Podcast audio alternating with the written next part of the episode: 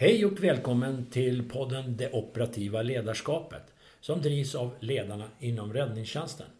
Dagens ämne handlar om en industribrand som var i Sundsvall, tillika den olycksutredningen som gjordes efter industribranden. Först kommer vi möta Anders som berättar lite om branden och därefter Mattias som gjorde olycksutredningen. Jag som sitter bakom spakarna heter Ulf Lejon och är ordförande för ledarna inom räddningstjänsten. Välkomna!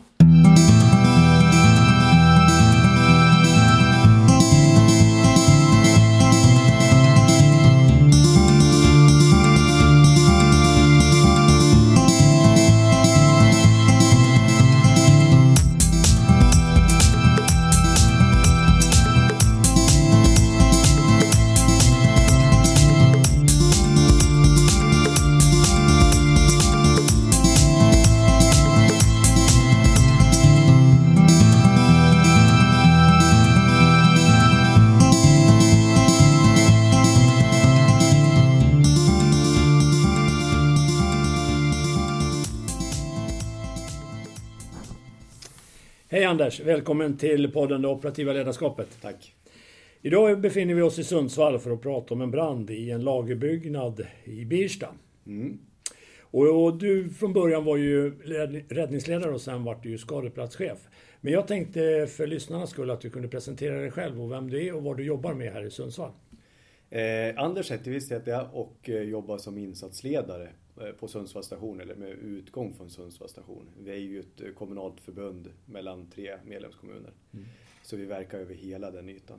Eh, jag är tillika också ansvarig för farliga ämnen. Så det är liksom min specialitet i, i min vardagliga yrkesroll. Liksom. Så att jag åker insatsledare och hanterar det och eh, jobbar väldigt mycket med farliga ämnen. Vad bra! Du först får berätta lite om vad som hände i början och under gången och så kommer jag ställa lite frågor och sådär. Kolla läget, hur, hur det gick och vad som gick bra och vad som gick mindre bra. Och framförallt om du kan ge lite tips till lyssnarna. Mm. Låter, det, det, låter det bra? Superbra. Bra. Men då kan väl du börja. Berätta lite om branden då, får vi se. Eh, vi fick det här larmet som teknisk service till att börja med. Så vi åker med den organisationen. Det är alltså en släckenhet och så ledningsfordonet som jag åker på. Eh, och vi rullar sakteliga mot där lagerhotellet ute i Birstaområdet. Eh, och det är ju egentligen inte förrän första enheten på plats, det vill säga styrkeledare och eh, räddningsenheter från Timrå, som kommer först på plats. Eh, och där, eh, där får vi kopplingen att det är rökutveckling eh, och att man har befarat brand därför att de möter upp personer på plats där. Så jag är väl någonstans där på E4 mittemellan Sundsvall och Birsta eh, shoppingområde där. Eh, där det då indexeras om till brand i byggnad. Så att eh, under min bilfärd så blir det omindexerat till brand i byggnad. Mm. Och, och, när du menar att man gör om det, då kan du förklara hur ni ser på automatlarm från början bara så att lyssnarna hänger med där? Ja, vi åker automatlarm så åker vi eh, utan blåljus, eh, följer trafikrytmen så vi åker inte mot eh, varken rödljus eller hastighetsbegränsning. Mm. Och vi åker med en släckräddningsenhet och en insatsledning, alltså 1080 då. Men ni, ni, ni åker inte som andra gör, som att det är ett skarpt larm, utan ni åker som vanlig Nej. rytm. Och sen om någon ringer in, förstår jag, eller om det händer någonting, då först går ni över till och klassar om det i sådana Ja, det ska vara aktivt, aktivt inringt eh, larm. Det är då vi har indexerat om det till, till brandbyggnad. Men eh, för ett antal år sedan så åkte vi med blåljus och det där hade vi, har vi gjort en förändring på mm. eh, utifrån olika aspekter. Men, men, då, men då tror jag lyssnarna förstår varför du pratar om att du, ni gör om ja. det från eh, automatlamp till brand i byggnad på vägen ut. Ja, men det låter bra. Fortsätt ja. gärna. Alltså. Eh, så någonstans där på E4 så, så indexerar vi om det då till brand i byggnad och det kopplas ju på flera resurser eh, initialt ifrån våran eh, inre befäl som hanterar systemledning.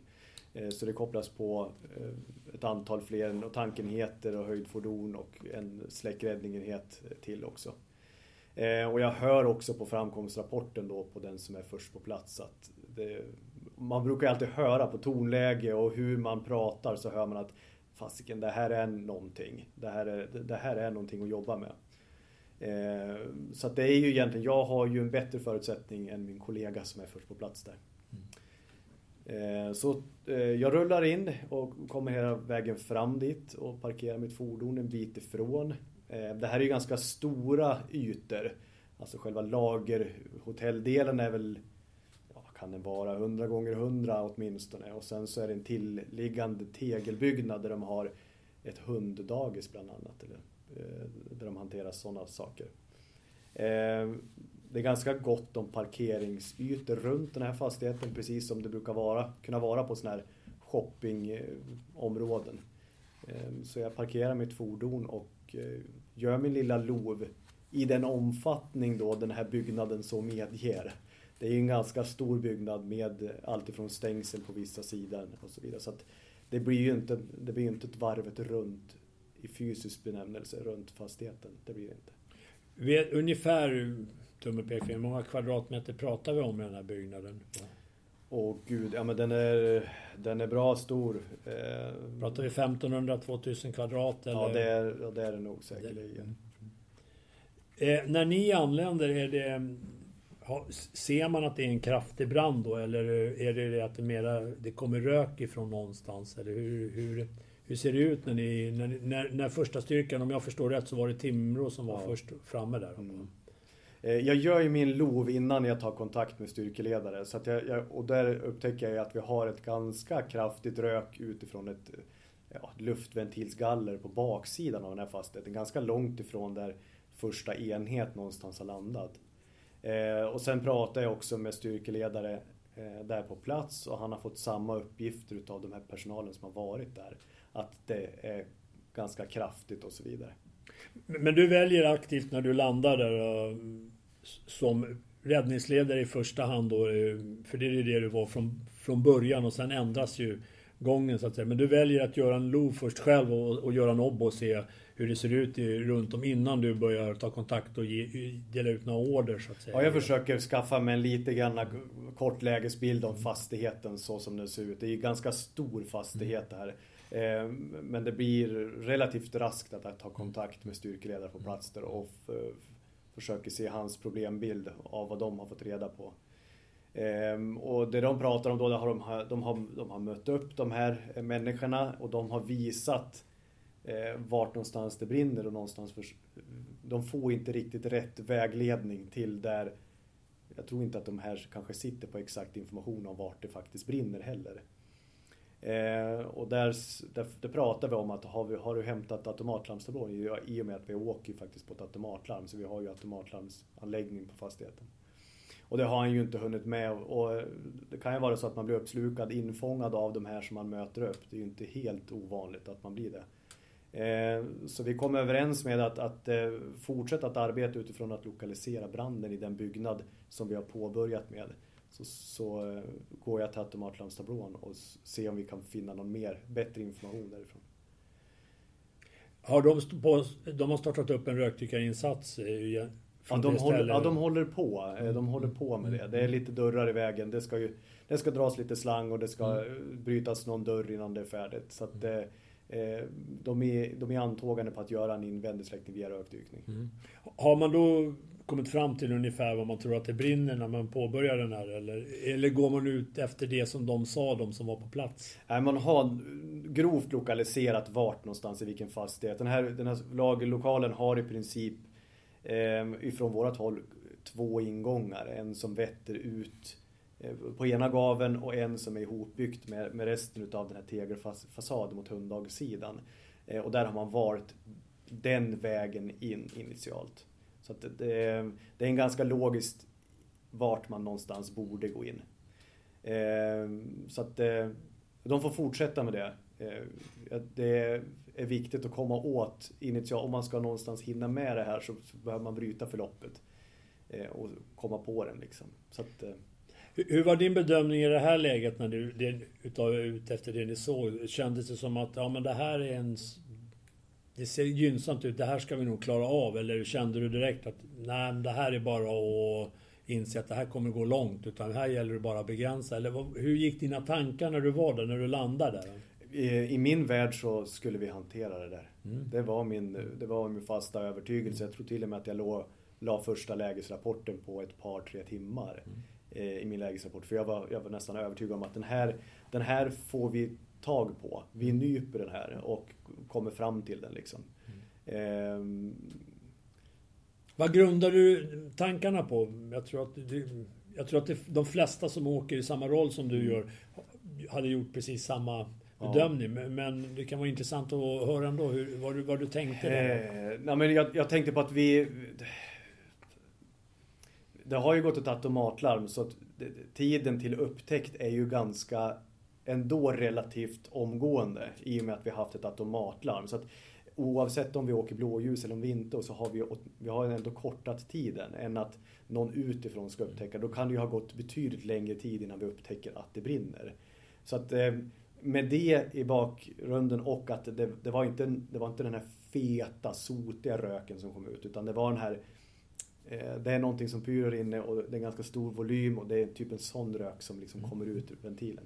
Så det var väl de två faktorerna jag tänkte att ja men vi, fan det här, kan vi, det här skulle vi nog kunna nypa. Du pratade ju om också att du hade på vägen ut när du hörde lagt på fler styrkor. Vad, vad, vilka fler larmades till? Där? För vi, det var ju en etta och en stege.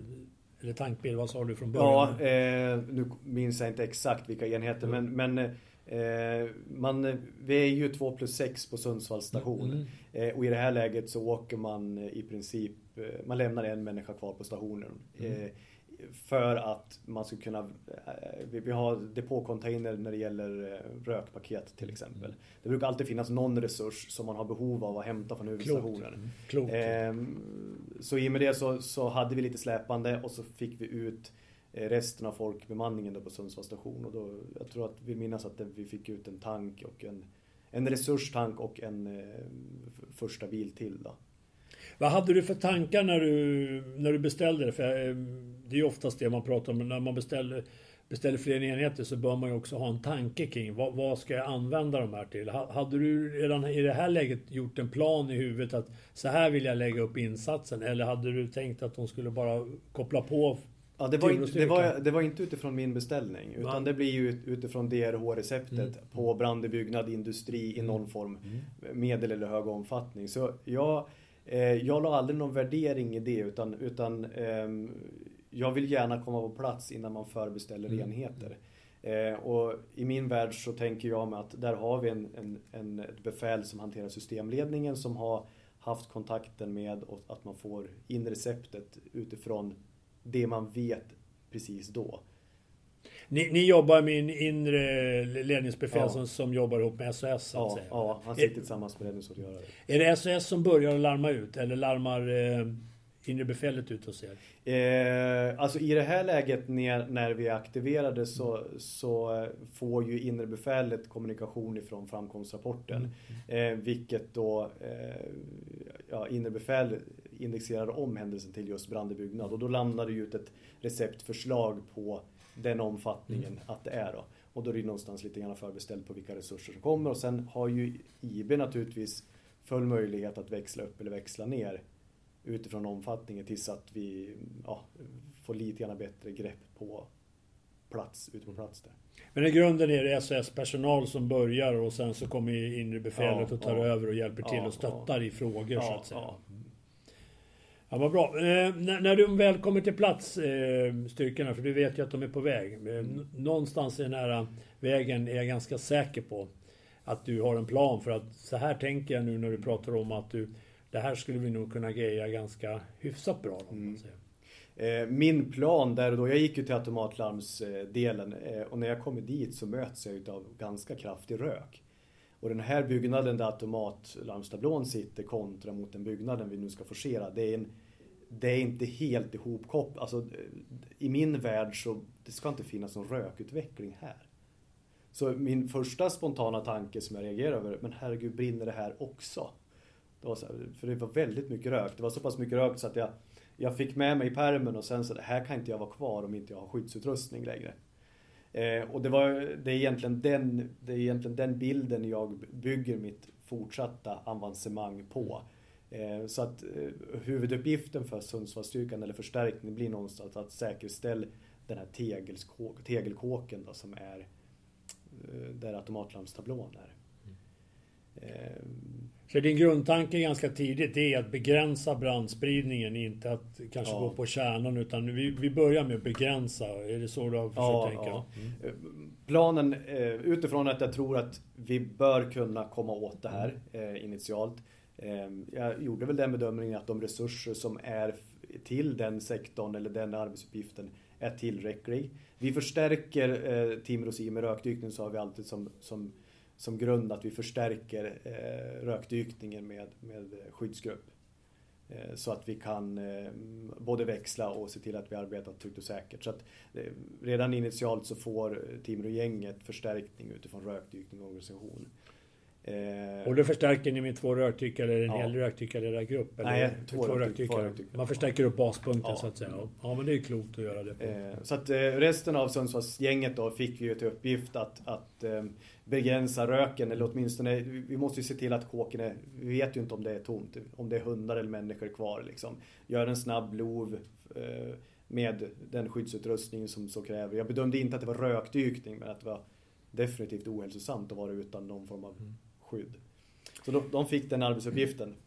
Så det, vi, vi, pratar inte långa inträngningsvägar, hög riskmiljö här, utan det här handlar mer om att söka av ett område som är relativt fritt från rök, men att man ändå ska ha ja. eh, eget, skydd, eh, eget skydd på sig, ja. så att säga. Ja. Rökskydd på sig för, att, för sin häl, egen hälsa. Då, så att säga. Filtermask är för lågt, mm. utan på med friskluftsapparat. Mm. Mm. Eh, men det är inte att betrakta som rökdykning, åtminstone inte utifrån det som jag det utrymmet som jag befann mig i. Utan det, det blir någonstans då så sektor, sektorchefen eller den styrkeledare som hanterar den sektorn som ja, kontinuerligt får göra den bedömningen utifrån ja, AFSen då, och eget eh, riskbedömning. När, när, eh, när tar du beslut om att gå in i själva branddelen där för att försöka lokalisera branden? För det, det, det måste man ju till slut göra någonstans i insatsen då. Så. Det, det, är redan, det är påbörjat redan initialt när Timrå är på plats där, så det jobbet pågår. Mm. Eh, och det fortsätter vi med. Eh, så vi, vi, är ju inne i det här lokalutrymmet där, det har, där initialbranden är någonstans. Eh, men det vi inte riktigt förstår, eller det inte jag riktigt förstår, det är ju hur den här byggnaden är någonstans gjord. Alltså hur det här lagerhotellet ser ut. Eh, I min värld så kanske jag ramlar... Lagerhotell? Ja, okej, ja, det, är det gallerburar eller vad pratar vi om liksom? Eh, så här i efterhand eller när vi... Naturligtvis, vi får ju reda på det under platsen där så får vi veta att det är ju liksom plåtade, plåtade väggar med, med, med i princip en liten garageport på. Så att eh, det kan man ju förstå att sådana utrymmen har vi väl inte allt för många gånger haft eh, brand i byggnad på. Så att Eh, att göra en invändig släckning i ett sånt utrymme med IR-kamera och hela den balansen, det är klart det... Ja, när man tittar på ritningarna så ser man ju det att det är ju väldigt olika byggnader. Ibland är det högt i tak, ibland är det lågt ja, och det är burar och det är öppet och det är inte tätt. Eh, jag får en känsla av att inte de här brandcellsindelningarna heller riktigt fungerar som de ska när man har byggt om sådär. För det verkar ju som att det här har varit något annat från början och sen ja. har man fixat till det vart efter. Ja, eh, den här verksamheten tror jag inte har varit huvudverksamheten när fastigheten någon gång byggdes. Mm. Och det var också min, min eh, den känslan hade jag redan initialt. Liksom. Allt ifrån när jag gick till automatlarmstation och tänkte men herregud brinner det här också? Det var någonstans i min, i min värld så skulle det inte ha funnits rök där. Inte efter tio minuter från att vi haft en deckare som har löst. Det, har, det kändes för... Det gick för fort liksom. Eh, även det, fast, fast det, var, det, är svårt att bedöma tid när man är på skadeplats. Mm. Det, det, var ganska mycket rök i större delen av den här huvud, eller huvuddelen utav själva lagerlokalen så att säga ganska tidigt. Ja, eh, så som jag fattar det från utredningen nu så har vi haft larm på övervåningen trots att det ska vara sektionerat. Mm. Och det förstärker ju bara egentligen den känslan som, som man, man kan inte riktigt sätta fingret på det va, man är ute där men, men man får den här känslan av att det, herregud, det går ju inte riktigt som man är van vid att det ska gå. Mm. När i, i den här insatsen, för att jag menar, det här är ju ganska stora för det första är det stora brandgasvolymer som ja. kommer att bildas. Det är ju ganska långa inträdningsvägar. Mm. Eh, sen är det frågan om livräddning. När, när, hur tänker du där? När tänker du att ja, men själva livräddningen, det avslutar vi här. Mm. Diskuterar ni hög riskmiljö? Eh, börjar ni prata om det? Skyddsgrupper? Ja, vi, vi pratar nog inte utifrån begreppet alltså hög riskmiljö så, utan däremot, men däremot hade vi en fundering på just det, vad är det för särskilda risker i den här? Mm. I och med att eh, vi konstaterar ju att vi vet ju inte vad som finns i de här lagerhotellerna. Även fast det finns regler och bestämmelser till höger och till vänster så, så kan vi ju, hur mycket kan vi tynga, tynga vårt beslut på att alla människor gör som de är tillsagda att göra. Mm. Eh, de som är, de, vi hade ju, jag hade ju kontakt med de som eh, var fastighetsansvarig eller som, som hade skötseln på fastigheten och han menade att vi vet ju inte vad det finns i de här lagerutrymmena utan det är ju kunderna som äger utrymmet när de hyr den. Eh, så det, det, var, det var lite halvstökigt det där just utifrån riskbedömningen. Vad, hur offensiv ska vi nu vara utifrån egendomsräddning? Det var ju inte livräddning någonstans. Och eh, det var, jag var, funderade till, hyfsat tidigt ändå på byggnadskonstruktion där in. I plåt, eh, stål, betong, skelett i princip. Med den bärighet som råder över det också. Om, som jag har förstått det så är det en B3-byggnad så att säga. Mm. Det, det, kan ju i stort sett, med tanke på att det har brunnit ett tag, rasa när som. Ja. Och livräddning sa du, det, det, var, det var aldrig aktuellt med utan Nej. det var utrymningen från det här stället som var ja, fräscht som ja. du pratade om, hunddagis ja. och där. Mm. Så resten var aldrig snack om livräddning utan det var ju att begränsa branden som vi pratade ja, om. Det var ju för att komma åt den och kunna göra någonting åt förloppet. För eh, i, mina, i min vildaste fantasi så, så, skulle vi inte få den här utvecklingen utan någonstans skulle vi få tag på den. Vi skulle inte få den här omfattande spridningen som blev. Och det, det kan man väl i efterhand är det, är det så man ska tänka? Mm. är, det, är, det, är det att jag i min, alltså i min fantasi inte hade den här föreställningen att eh, följden har kunnat bli så omfattande? Alltså jag, när jag läste det så tror jag att du, du har uppfattat det helt rätt och haft ett mål och det tror jag är viktigt att du har. Att det här ska vi klara. Men, och då kommer man ju till nästa fråga. När, när, upp, när får du en känsla av att det här går inte. Mitt första mål som jag hade, det kommer inte att funka. Nu måste jag ställa om målet till att göra någonting annat. För att, som du sa, det har spridit sig rök mycket mer än vad ni hade förväntat er, som ni inte såg från början, som du själv upptäckte när du var inne. När ungefär i din insats så märker du att mitt första mål kommer inte att stämma. Jag måste ändra om min målsättning och få ut det till alla. Då. Eh, det var nog eh, när jag får jag får ju återkommande rapporter ifrån den som bedriver rökdykarinsatsen. Och eh, den här individen påpekar ju väldigt, väldigt tydligt, eh, vilket jag också sett på ja, bland annat gällkamerafilmer, liksom, att det här, det här går inget bra. Det är, det är väldigt, väldigt varmt här inne, det är extremt rökigt. Vi kommer inte åt det. Liksom, att arbetet, det inre arbetet, vi fick aldrig något riktigt grepp på den. Eh, och sen efter, efter en tid också när, när och det, det, blir någonstans min, min bild av det hela. Jag har ju inte öger, ögon på själva, jag kan ju inte själv göra den värderingen utan jag måste ju någonstans förlita mig på den information jag får. Liksom. Men, men eh, när de senare också hörde att det pös inne i den här lager, alltså då, då, då blev vi väl väldigt defensiva. Vad, vad, vad är det som pyser till exempel? Kan ju ha varit ett motorcykeldäck eller vanligt däck eller... Men när du får den eh, informationen, eh, vad, hur eh, agerar du då? Ändrar du någonting på inställningen till säkerhets till grabbarna som ska jobba eller fortsätter ni på Nej, vi, då, då gör vi mer defensiv hållning. Då börjar vi titta på... innan här så har vi naturligtvis använt de här ritningarna och mm. pratat och diskuterat. Det har jag definitivt kunnat förmedlat i tidigare skede. Mm. Eh, och så här i efterhand så har man ju också upptäckt att jag, jag får ju inte med mig detektornummer i larmtablån. Mm. Eh, det är något, kommer senare in i insatsen och tänker men herregud jag borde kunna titta på tablån och se vilken deckare som har löst först. Och i och med det kunna lokalisera åtminstone i, i närområdet vill, vart initialbranden är. Mm. Eh, Tror du att det hade påverkat eh, med facit i hand så här nu att när det var så mycket rök som jag förstår, och det har jag ju också sett i Tror du att det hade kunnat påverka? Hade det varit till stor nytta att få dem där? Eller hade det varit så här en nytta som, ja det hade varit bra, men det hade troligtvis inte kunnat eh, ändra på insatsen då.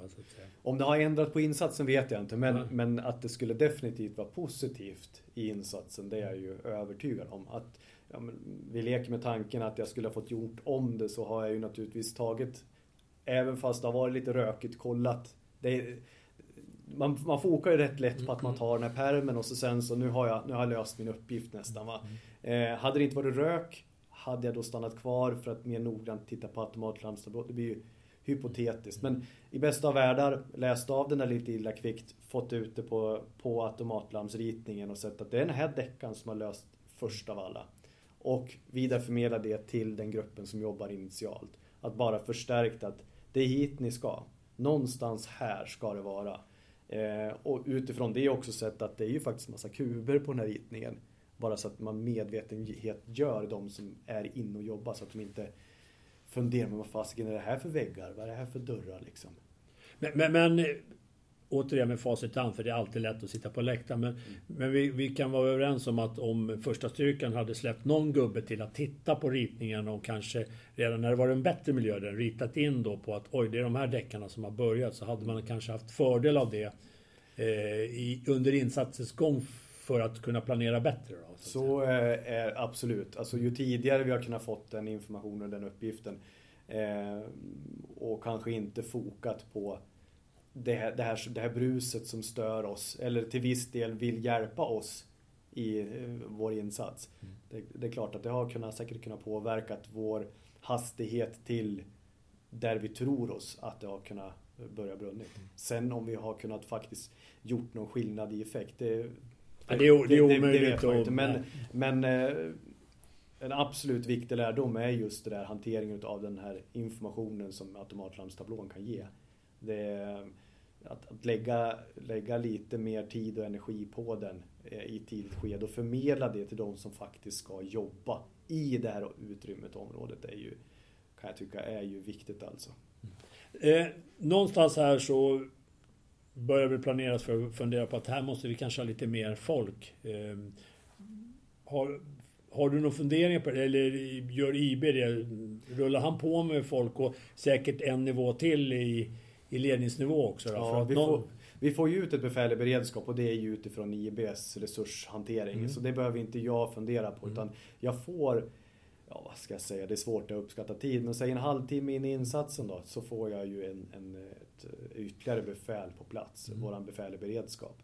Eh, ligger på en 30 minuter anspänningstid i princip. Mm. Eh, kommer ut med en mindre bil, eh, Eh, inte alls samma utrustningsmässigt som vi har på vår insatsledarbil då, utan en lite lättare persontransportbil. Eh, och, och, där gör vi vår uppdelning att, att jag fortsätter som skadeplatschef och han tar över räddningsledarskapet.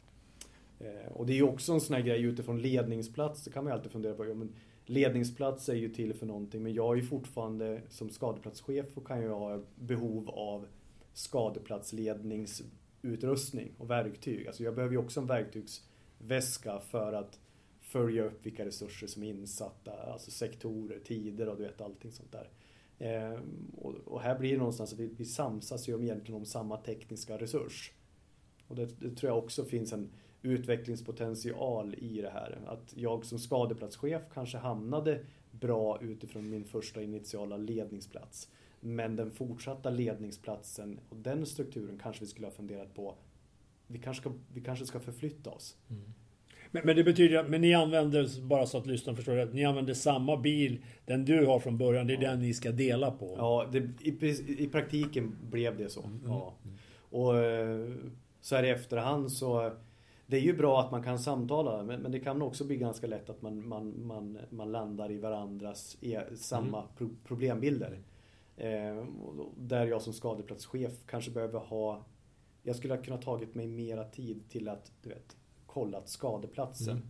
Jag kanske hade kunnat haft tid till den här totala obbon till exempel. Varit mer aktivt inne i de här ytorna som inte var skadade. Fast i, i min värld då var det ju att vi, vi kommer att greppa det här. Vi, det kommer inte att få, alltså transportdelen längst bort i den här fasten kommer inte att bli påverkad. Eh, och, det, och det visade sig så att så, så blev ju inte fallet. När, när börjar man rulla på med fler styrkor då? När, när upptäcker ni att ja, men det här är nu behöver vi mer, det här kommer inte att funka, vi, vi klarar inte med det. För, jag, för jag, om jag förstår det rätt så, så har ni fortfarande haft den bilden att ja, men det fixar vi med de ja. gubbarna som är här. Mm. Men när märker man att nu är vi nu, nu är vi på gång, nu måste vi nog öka upp det här? Jag, jag, ja, nu ska jag, men jag, jag vill minnas att vi, vi gjorde det ungefär där vi träffades, jag och eh, befäl i beredskap där. Att när vi började prata om hur, hur växlar vi mellan varandra? Vad lägger vi för arbetsuppgifter? Vad tar du och vad ska jag ta? Och där pratar vi också om att sätta lite resurser på rulle. Vi vill ha taktisk enhet, eh, depåcontainer för vi insåg att fan, här, här kommer det nog gå ett, ett antal rökskydd innan vi är färdiga. Eh, och vi behöver någon som hanterar depån. Ja, men allt ifrån se till att människor får mat på skadeplats till exempel. Sådana där grejer som blir extremt viktigt ju, ju längre insatsen pågår. Va? Så att, eh, exakt vilka resurser vi drog där och då, men, men, det är ungefär i den tiden som vi började ladda på lite grann med, med resurser.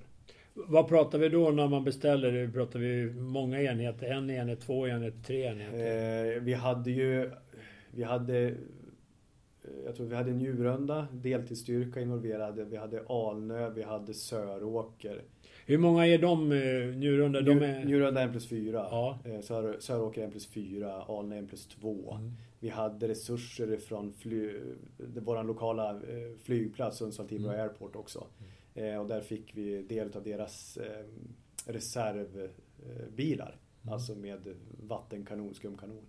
Är alla de som kommer, 1 plus 4 normalt är ju rökdykare, men de antar jag att är rökdykare. Men även de här 1 plus 2, är det rökdykare som kommer eller har de en, kommer de och inte är rökdykarklara så att säga? Jag tror, ja, jag tror att de har kompetensen men inte utifrån antalet. Då. Nej, nej, men de ja, har kompetensen ja, så att ja. säga. Så man kan använda dem som rökdykare ihop med andra. Ja, det...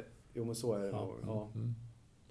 Eh, men eh, med tanke på... Eh, när, när känner ni att det här kommer sprida sig mer än vad ni hade förhopp förhoppningar från, från, från början då? När, när känner du att nu vi, behöver vi nog ta ett nytt tag i det här då? Och hur, hur, förmedlar man ut det? Hur säkerställer man? För det är någonting som jag har märkt när jag har pratat med folk ute och det har vi även hos oss. Så det är inget konstigt. Men hur får vi ut informationen? Hur säkerställer vi att vi har bytt en räddningsledare, vi har bytt mål med insatsen. Eh, hur säkerställer vi att rökdykarna som är längst fram förstår att det är det här som gäller nu? Mm. För det är någonting vi behöver jobba med i brandförsvaret i hela Sverige. Så det är ingen unikt här uppe, utan det gäller överallt. Men har, ni, har du några idéer och hur tänker ni där för att säkerställa att alla förstår vart ska vi? Eh, så som det blev och så som vi jobbar här, det är ju att man, man får ju förmedla, det måste ju förmedlas på något sätt. Och vi hade ju kontinuerliga ledningsmöten på ledningsplatsen där. Både innan vi hade befäl i beredskap på plats, eh, där jag både var skadeplatschef och räddningsledare. Eh, men även eh, vidare i insatsen. Eh, så hade vi ju kontinuerliga avstämningar och ledningsmöten med våra sektorchefer. Både den Både utifrån att skydda den här hunddagisfastigheten och till de som genomförde den inre, initialt inre släckningen och senare utvändig släckning eller begränsning. Ehm, och det, det, är ju så i alla fall tank, min tanke med det att vi pratar, vi har ett ledningsteam som pratar och är samstämmiga med hur, vad är det för taktisk, taktik vi ska genomföra det här nu? Vad är vart ligger målet? Ska vi begränsa brandspridningen till den här fastigheten? Och så var det ju initialt. Brand och rök skulle ju spridas eh, till det redan utsatta utrymmet. Eh, och vi lyckades ju i den här tegelkåken men däremot så gick det ju åt skogen på, åt andra sidan. Mm. Eh, och i, i, min värld så blir det ju att det blir ju sektorchefen då som måste någonstans repetera det som är sagt mm. till de som är utförare av det så att, så att hela organisationen får reda på det. Har ni diskuterat internt, eh, om vi bortser från själva larmet, hur man ska säkerställa just den här? För att det, det är en fråga som nästan alltid kommer upp eh, efter man gör alla utredningar. Och man kan läsa sig till det i stort sett överallt. I nästan varenda utredning, jag tror att det är alla utredningar om jag ska vara ärlig, där det står just bristen av att den som är längst fram har inte förstått vad de som är längst bak pratar om. Eh, och, och hur, hur, man ska komma till rätta. Har ni pratat om det internt? Så efteråt och före eller någonting. Hur, hur säkerställer man det? Att alla har förstått? Ja. är det one million dollar question? Ja, ja hör du, eh, det är klart att vi, vi, det är ju återkommande även på våra AR just det här med kommunikation. Mm. Och det, det, behöver vi inte vara på larm för att inse att kommunikation är svårt. Mm. Det är en tuff, tuff uppgift alltså. Ehm, det här med att repetera saker och ting ska man nog inte förringa. Att, eh, den man ger uppgifter och order till måste repetera det som är sagt också. Mm. Eh, sen så, så måste man ju ha det här i de lederna man, man delegerar. Jag, jag tror någonstans på att ledningsteamet måste ha sitt, men där har vi kunnat eh, där har vi kunnat förstärka det genom att de har kunnat repetera den taktiska planen som har sagt, målet med insatsen. Mm. Att man bara formellt ber människor att repetera. Mm. Vad är det du och jag kommit överens om nu här? Mm.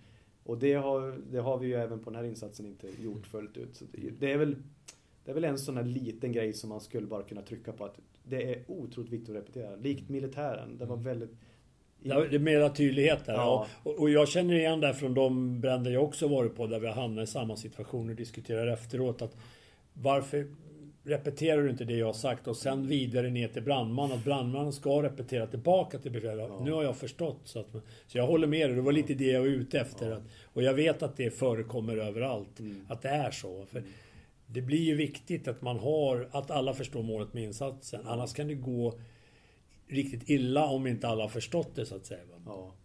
Eh, tillbaka till branden då. När, när känner ni att, nu, du pratar om att själva tegelbyggnaden, den har vi koll på. När känner ni att shit, det här måste vi nu släppa. Det här går inte längre. Vi måste backa ut, vi måste ta hand, vi får begränsa och låta det brinna. Finns det några faror också runt byggnaden? Spridningsrisker och sånt till andra delar än de du har pratat om just nu? Ja, eh, vi, I närheten utav den här fastigheten, som, den fastighet som låg absolut närmast, det är ju ett fryseri med ganska stora mängder utav kondenserad ammoniak till exempel. Mm. Så det var, ju en, det var ju en worst case scenario senare i, i skedet att vad händer om vi skulle få en sån eh, en, en spridning eller liknande mot det.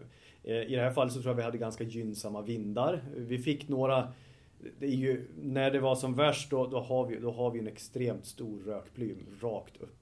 Eh, och det här är ju ett ganska stort köpcentrum så det påverkar ju ganska många egendomar. Det var ju några vad heter det, företag som stängde och du vet, stänger för dagen därför att det var för dålig luft i närområdet till exempel.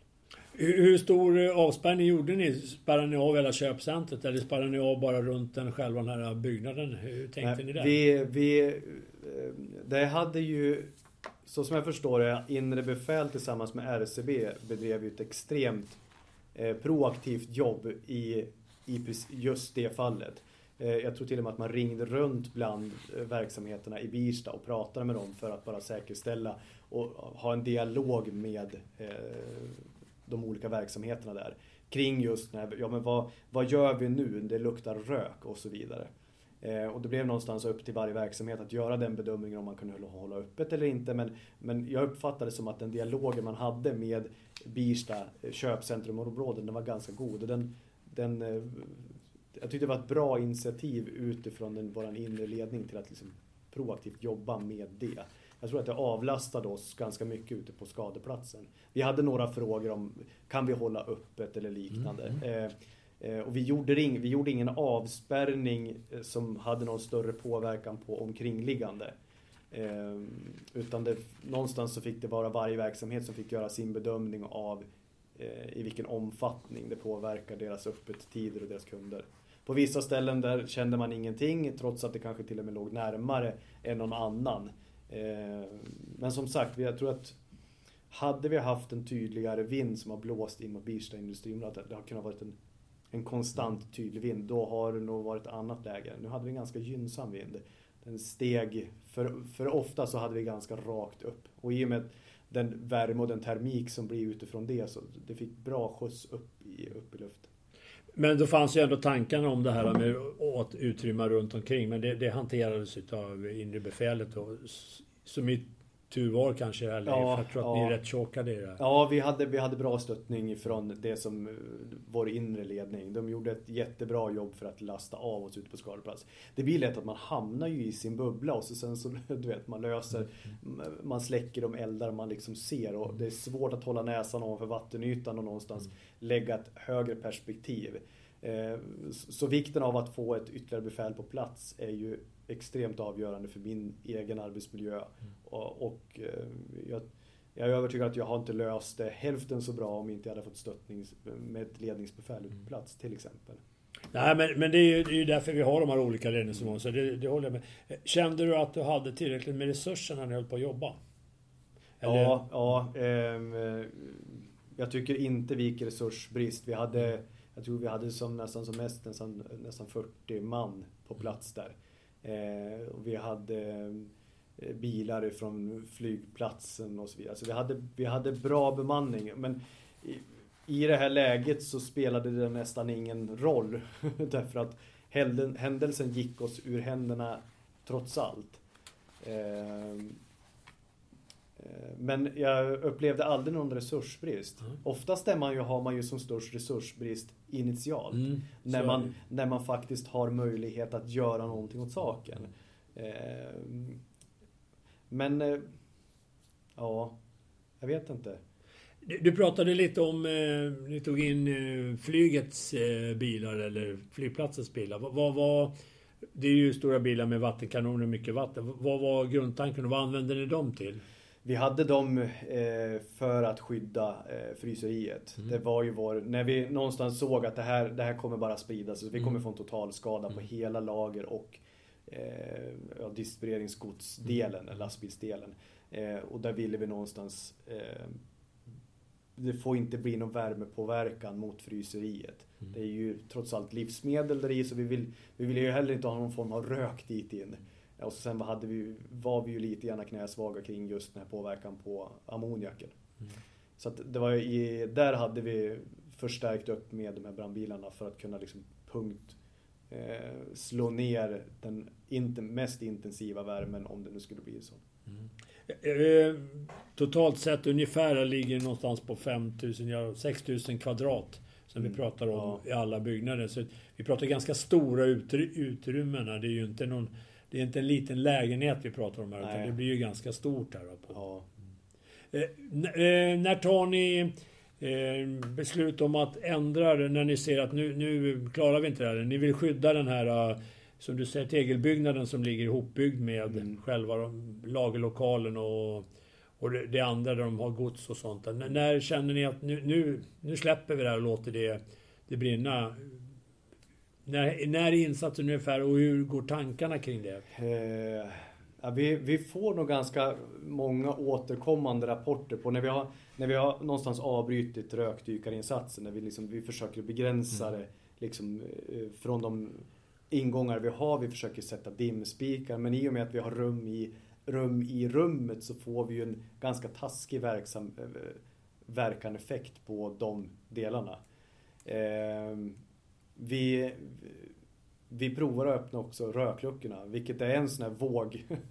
Det är ju en, alltså om man, om man öppnar någonting och har tilluft så får vi ju en annan effekt på branden. Men vi, någonstans där så såg vi ingen annan lösning. Det, hade, det, som, det som har dykt upp i mitt huvud i efterhand kanske har varit att vi stänger igen. Vi ser till att det blir så tätt så inåt bomben så hoppas på det bästa på att det någonstans, eh, vi får inte syre till den.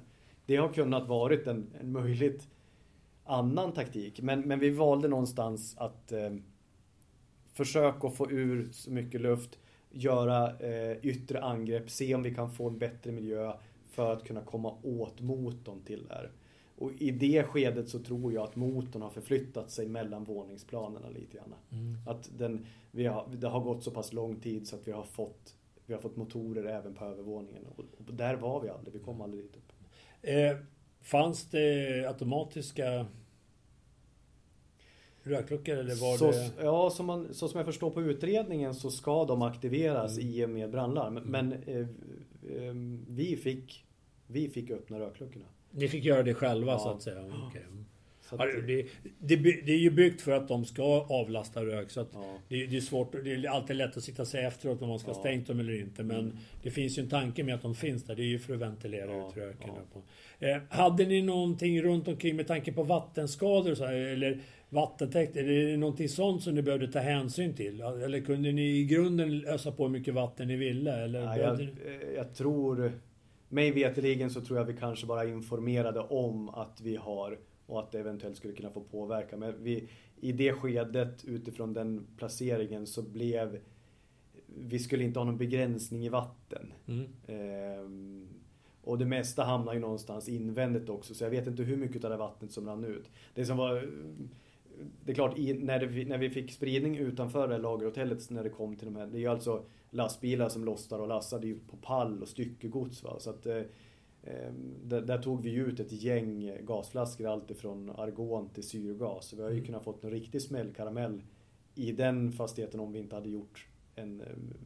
När, ni, när visste ni att det var såna när förstod ni det och när kom den ordern in att vi måste börja titta på vad som finns inne? Ja, vi fick, vi hade, fick representant ifrån de som jobbade där mm. på plats. Mm. Och där fick vi också uppgifter ifrån att det, det finns såna här eh, typer av gods inne på den här eh, inne på golvet där. Så vi, vi fick ut en del truckar och vi fick ut några av de här flaskorna. Någon flaska, kan, någon, någon kruka gasol har säkert kunnat bli kvar. För vi hade också en, en, en ljudlig smäll inifrån, någonstans inifrån den här fastigheten. Mm. Men eh, hade de där, de där packerna med syrgas varit kvar, då har vi då har vi pratat om lite större då avspärrningsområde. Har, då har det blivit större avspärrningsområde. Ja, ja helt det, klart. Det, det förstår jag. Eh, grundtanken när, när ni försökte ta er in, var det svårforcerat? Eh, som jag läste till mig i utredningen så var det de nycklar som till slut kom fram, de stämde i alla fall inte. För det är ju ofta så här när man bygger om och bygger om att de uppdateras ju inte. Nej. Så det lever vi ju med alla brandförsvar att det det. Var det krångel att ta sig in? Försenade det saker och ting när ni höll på att, att man ja, inte kom vidare? Eh, vi, vi fick ju bryta den yttre dörren och vad det i tid kan ha påverkat. Det är klart eh, Det är klart att det har en begränsning. Det, är klart att begräns, alltså det tidssätts ju att göra en, en brytning av en dörr för att komma åt någonting. Så det är klart, ett par minuter har ju naturligtvis bullit till att vi har gjort en, en, en brytning av en dörr. Mm. Men det var mer att komma in i första, sen var det lättare att ta sig in i, när man väl var inne? Eller var det fler dörrar som man måste bryta? Hela... Nej, jag tror att det var den dörren. Sen var det en, en, en inre dörr in till själva lokalen. Men sen så var det de här portarna in till de här ja. enskilda förråden. Och de, de hade vi ingen nyckel till. Eh, och de hade ju inte vad heter det, fastighetsägarna nyckeln. Utan det var ju mm. de privata som hade de nycklarna. Så att... Eh, Ja, det blir svårare att jobba då om man måste klippa lås hela tiden för ja, att ta sig vidare eller borra ur eller kapa upp. Ja, eh, så, så, arbetet inne där under den arbetsmiljön, eh, ja, det, jag, den var nog rätt påfrestande för de, de, de killar och tjejer som var inne och jobbade där, det tror jag. Och det, det var egentligen den rapporten jag också fick från, från sektorchefen där, över att eh, temperaturen och, och röket liksom, sikten är... Så att, eh, men då är det ju klokt att välja att ta en mer defensiv eh, insats än eh, om man bara går på om man nu märker att det är så. Ja, eh, och till slut blev det ju så. Där vi avbröt ju och hade bara utvändig och då, och då blir ju konsekvensen att när, när motorn är så pass stark då, då finns det ju ingen begränsning till Vi kommer ju inte åt det genom att spruta utifrån till exempel. Och dimspikarna, i, i och med att vi har de här lådorna så kommer vi ändå inte åt det. Därför att det är ju det är plåtvägg innanför de här plåtväggarna och så vidare. Så att, sen har vi kunnat kanske nyttjat vår skärsläckare mer. Den kom ju inte riktigt in i insatsen eh, i ett tidigare skede. Vi kanske skulle ha jobbat hårdare med den. Vi, kan, vi har pratat i efterhand att vi skulle kunna jobbat uppifrån via taket liksom och varit mera, kanske lite mer aktiv med den. Har ni tillgång till drönare under insatsen? Ja, har ni? Ja, hade vi... ni det då eller har ni det idag? Eller på? Nej, vi hade det under insatsen också. Mm. Eh, Eh, och den kommer också ut, den är ju till stor hjälp för att liksom, du vet, följa trender. Mm. Det är ju väldigt intressant utifrån att följa en trend på ett brandförlopp mm. eller liknande. Ehm.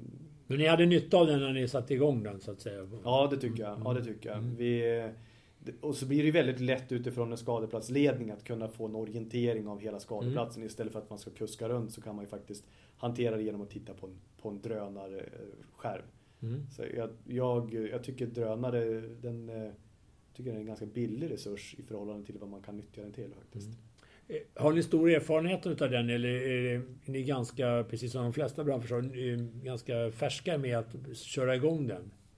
Ja, vi, jag vet inte. Vi har väl haft ett, ett gäng antal år och vi har mm. väl använt den på ett antal händelser. Mm. Eh, man skulle kunna bestycka den med IR-kamera då skulle man kunna nyttja den till ännu fler och få den ännu bättre vi hade en skogsbrand uppe på Getberget i somras där vi använde den för att någonstans, där var terrängen så extremt svår så att, eh, att få dit en drönare var liksom nästan lösningen på det. Mm. För det var ju precis på en bergssida. Men då har ni så att säga inom situationstecken bara kamera på Ni har ingen eh, IR-kamera eller något utan det är, det är en vanlig bildkamera? Ja, det är en vanlig bildkamera. Mm. Sen har vi ju drönarpiloter då som är utbildade så vi får ju ut en resurs kopplat till Mm. den här också som, som kör den, tar bilder och liksom hanterar hela den biten. Mm. Där vi som skadeplats eller ja, på kabelsledning kan Mm. ta del både på plats och i efterhand också.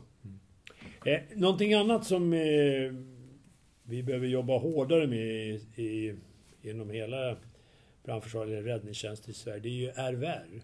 Mm. När kom det in i bilden? Had, när fanns de tankarna med Restvärdes räddning? Ja, men de kom nog med ganska tidigt. Jag, vill, jag tror nog att vi, vi begärde ut kontakt eh, bland de första vad heter, lägesrapporterna. Om jag inte minns helt fel. Om inte annat så har vi pratat om det. I och med att vi, för vi förstod ju någonstans att det här är ju en, det är en fastighet och här är det människor som hyr. Så det kan ju vara flera eh, försäkringstagare under en och samma tak här. Eh, sen, sen fick vi ju naturligtvis bilden, det var ju, det var ju människor som kom fram och, och grät eh, hos mig på skadeplats över att de hade de är mittemellan boende, de har hela sitt bohag in i de här lokalytorna. Det var åtminstone en, tre stycken där på plats som, som man liksom hanterar. Man, och man förstår ju så här i efterhand när man har läst det här med vad, vad hanterar försäkringen och vad hanterar inte försäkringen. Så att eh, man förstår ju att det var många livskriser där i och med att de mittemellan boende, de står med hela sitt bohag inne här. Begärde ni ut en Restvärdsledare? Ja, vi fick ut, eh, vi fick ut representant på plats. Mm. Eh, har, brukar ni ha det som obligatoriskt att ni använder utav det? Och, eller är det från fall till fall? Ja, eh, min erfarenhet är att jag försöker ta restvärdsledare till hjälp till så mycket som möjligt. Mm. För att kunna avlasta mitt arbete. Och kunna initiera såna här typer av arbeten. Det är det efterföljande. Och ha en tidig kontakt med restvärdsledare. Allt ifrån bevakning eller till restvärd eller, eller andra typer av arbete. Så är det, vi har eh, vi har ganska tur att ha ganska många lokaler här som kan komma ut på plats. Och, och kunna ha, föra en dialog med de här på plats. Det har, jag har bara sett positiva effekter av det. Så jag, jag, jag brukar vara ganska snabb på att åtminstone få kontakt med det här och kunna Mm. liksom bolla i och med att de har ju ganska stor branschkunskap också. Då kan man åtminstone kunna, det finns en till bollplank att kunna bolla de här delarna i händelseförloppet. Mm. Det tycker jag är, jag, uppskattar det jättemycket. Jag är beredd att hålla med dig för att det är någonting som vi behöver bli duktigare på. Att eh, åtminstone få en kontakt i ett tidigt läge. För man har nytta av dem och, och de kan faktiskt ta en hel del arbetsuppgifter ifrån en när man vill det. Så man kan koncentrera sig på sånt som, som är liksom Ja, som att släcka branden och hålla på med det. För att det är precis som du säger, det kommer ju fram en del människor som man ska försöka förklara för. Och det, det är ju, där kan ju de hjälpa till med den bit och kontakter om inte annat. Mm. Så, så. Eh, avslutningsvis då, hur, vad, vad slutar det hela med då? Innan ni känner att... Ni har ju så sagt det förut att ni får släppa själva lagerutbyggnaden, den största delen utav det här. Men ni begränsar och försöker hålla, och som jag ser det, ni håller den här tegelbyggnaden kvar och det blir det som det blir begränsningslinjen, att där ska vi hålla det mesta utav det i alla fall. Ja, det, det, vi får ju en spridning till taket på den här fastigheten och där, där konstaterar vi att vi har ett betongbjälk. Så till slut så får ju taket att brinna av Mm. på den här fastigheten. I, jag tror att det blir nästan hela taket som till slut brinner av på den här fastigheten. Så det jobbet om vi inriktar sig på invändigt där, det är ju någonstans att, att eh, se till att vi inte får nedfallande emellan luftspalten i konstruktionen mot fönster och så vidare. Och det är klart, vi är väl kanske lite i det där läget utifrån den brandomfattningen som är där så, så kanske vi är, vi är lite på het på gröten där med vatten. Mm. Men det blir någonstans där, åh ska vi på med vatten eller ska vi inte på med vatten? Hur, hur mycket vågar vi släppa? Vad, vad, vad, vill, vad kan vi förlita oss fullt på? Vi har ju en extrem eh, strålningsvärme ifrån den här gigantiska brandbelastningen, eller brandomfattningen som vi har här alltså. Eh, högst troligt så har vi ju alltifrån oljor till däck som brinner. Eh, stora mängder chipspåsar. Va? Du vet, det, blir, det blir som fet, fet, fet rök. Jag, jag har aldrig sett det. Det skapar nästan sitt egna väderfenomen lokalt på platsen där.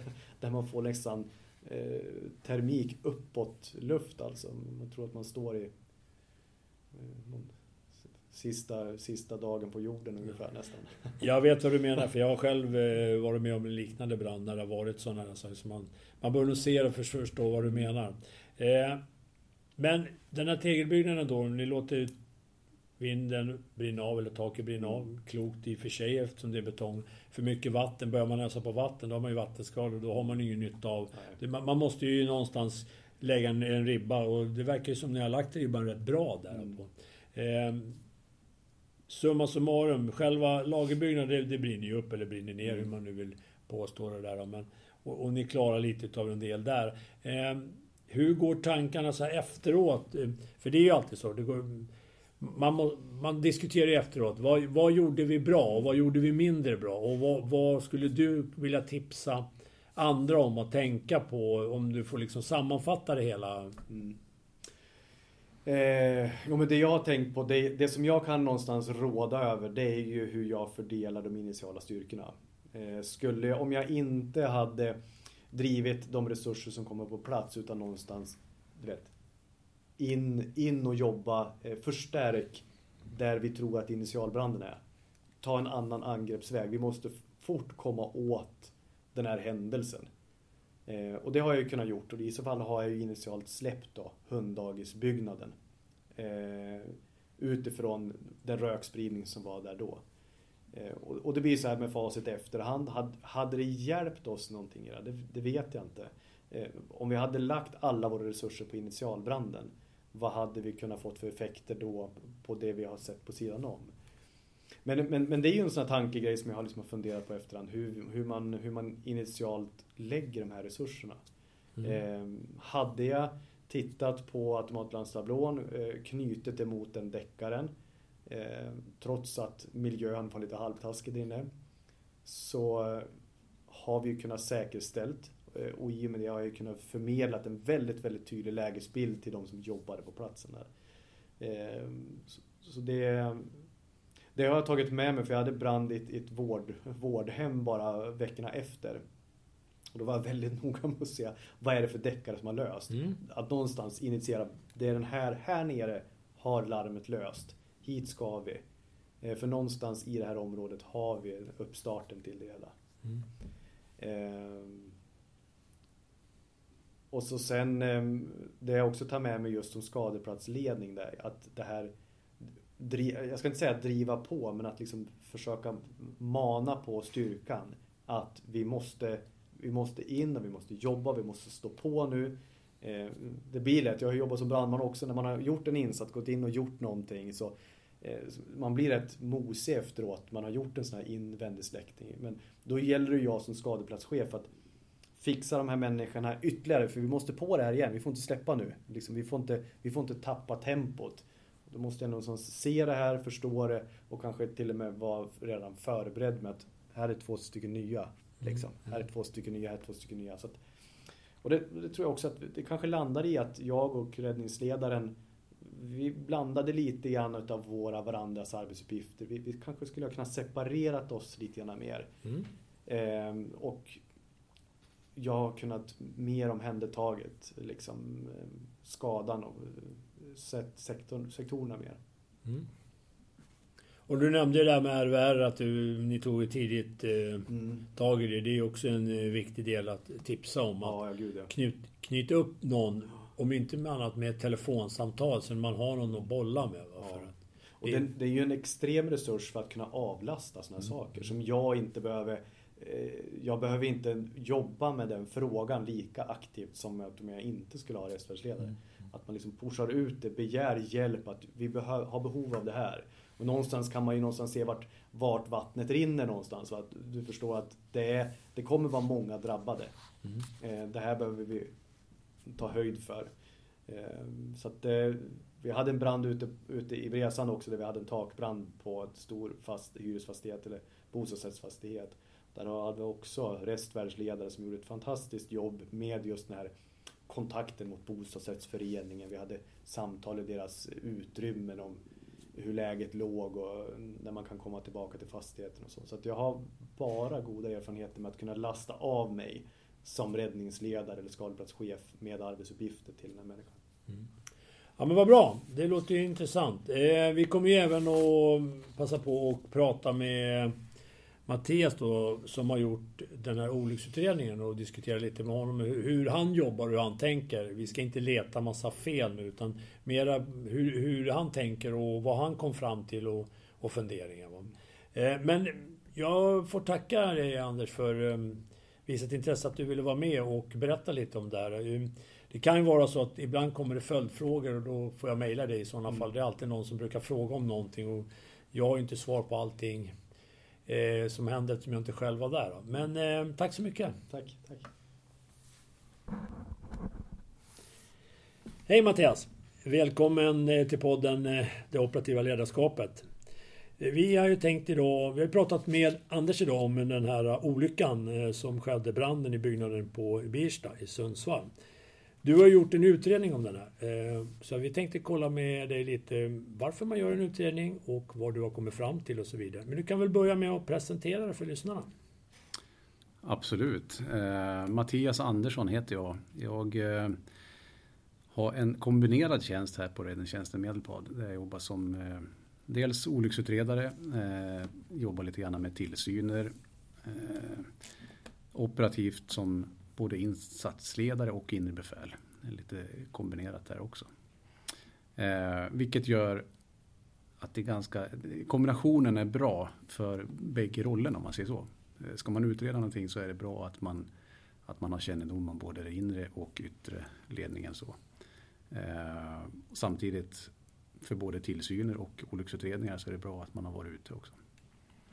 Så att jag håller på med att jobba med lite allt möjligt där. Eh, utredningar är som sagt en sak och då hamnade den här på, på mig nu. Då. Kan du berätta lite om hur går det till när man gör en olycksutredning? Eh, och varför gör man det?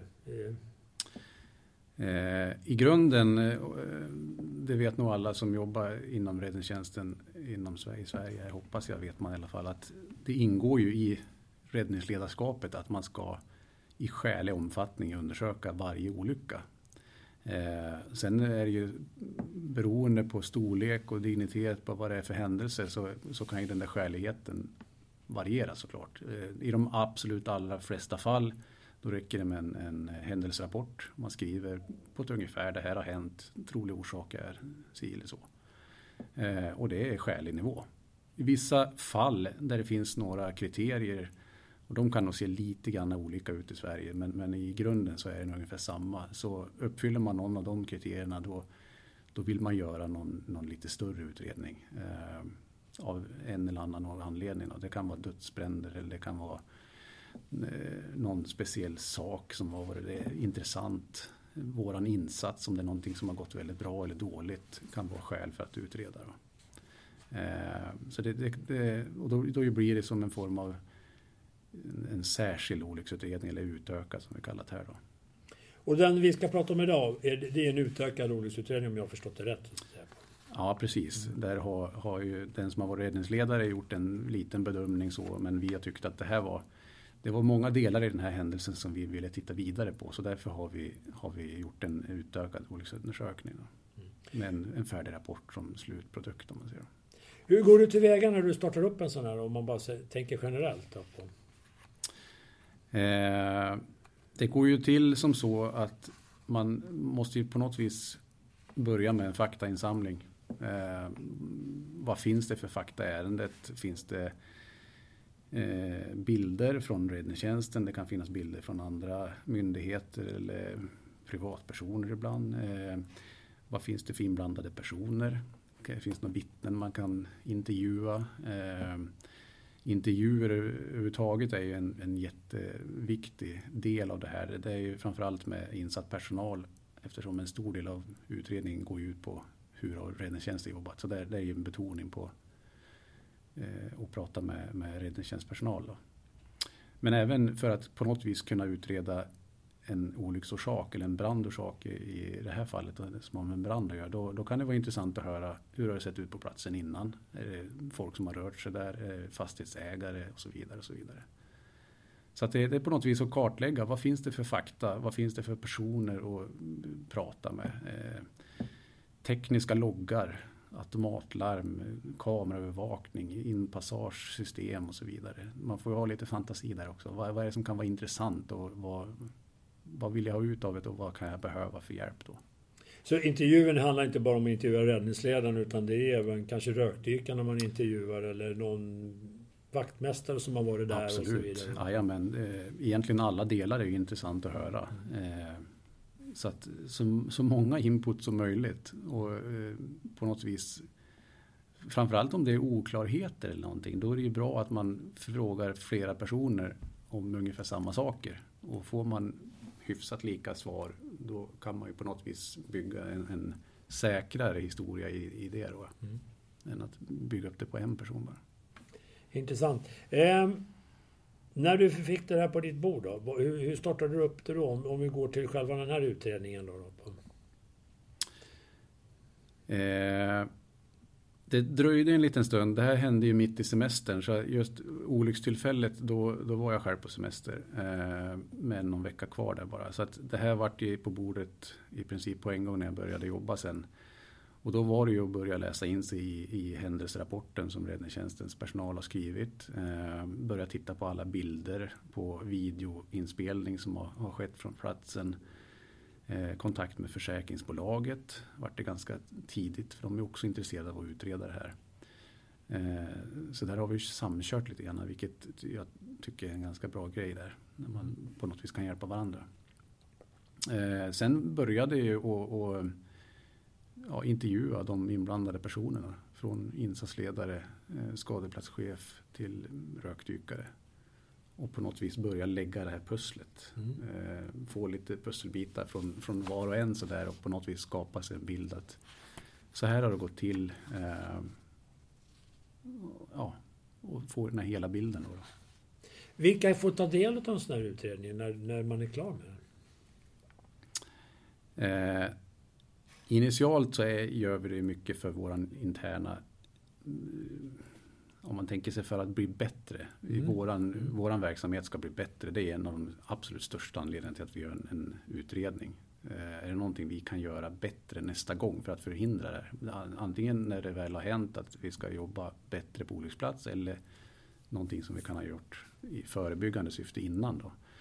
Eh, sen delges den även till MSB alla de här utökade olycksundersökningarna de skickas till MSB så att det blir tillgängligt för resten av Räddningstjänst Sverige och, och, även privatpersoner om, det, om man vill det. Då.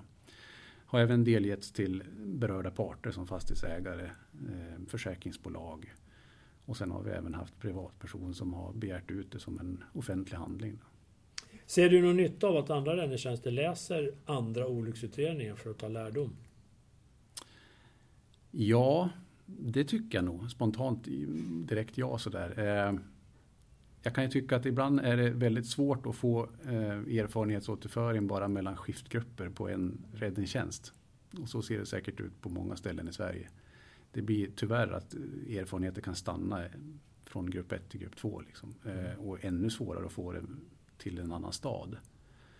Eh, det finns jättemånga bra utredningar i Sverige som samlas hos MSB.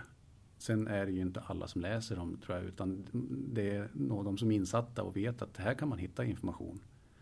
Eh, men på MSBs hemsida så publiceras väldigt många och du kan hitta i princip alla som skickas in i deras bibliotek. Då. Jag skulle nog säga att det är jätteviktigt att ta del av för jag har lärt mig massor av att läsa andra. Eh, och framförallt den här har jag, har jag lärt mig att ta om som jag kan ta med mig i min roll som ytterbefäl där jag mm. jobbar. Eh, så att jag tror att de som utreder de kanske är lite blygsamma och tycker att ja, vi kanske ska läsa om de här är jätteviktiga att läsa för det är det här vi ska, ta, vi ska dra nytta av. Vi ska inte göra samma saker som andra gjort som inte har gått som har gått mindre bra så att säga. Va? Så att jag tycker det är jättebra att man gör dem. Det är det man måste ha med sig i en sån här utredning. Eh, polisen utreder ju händelser i, i regel för att hitta en syndabock. Mm. Eh, hitta någon att bura in i princip när vi utreder då handlar det ju om ett lärande syfte. Vi ska mm. se till så att, precis som du sa, det här ska inte hända igen. Eller hur ska vi göra det så att det blir så lindriga skador som möjligt. Mm. Det handlar ju inte om att tala om att den och den har gjort en dålig insats eller, eller på något vis sådär liksom. Utan det handlar ju om ett lärande. Vi ska dra lärdom ja, helt ja. enkelt. Och när du sätter igång och då, då startar du som du pratar med lite intervjuer och grejer. Ta reda på grundfakta om jag förstår det rätt. Eller det, det förstår jag när jag läst alla ritningar här och sånt där.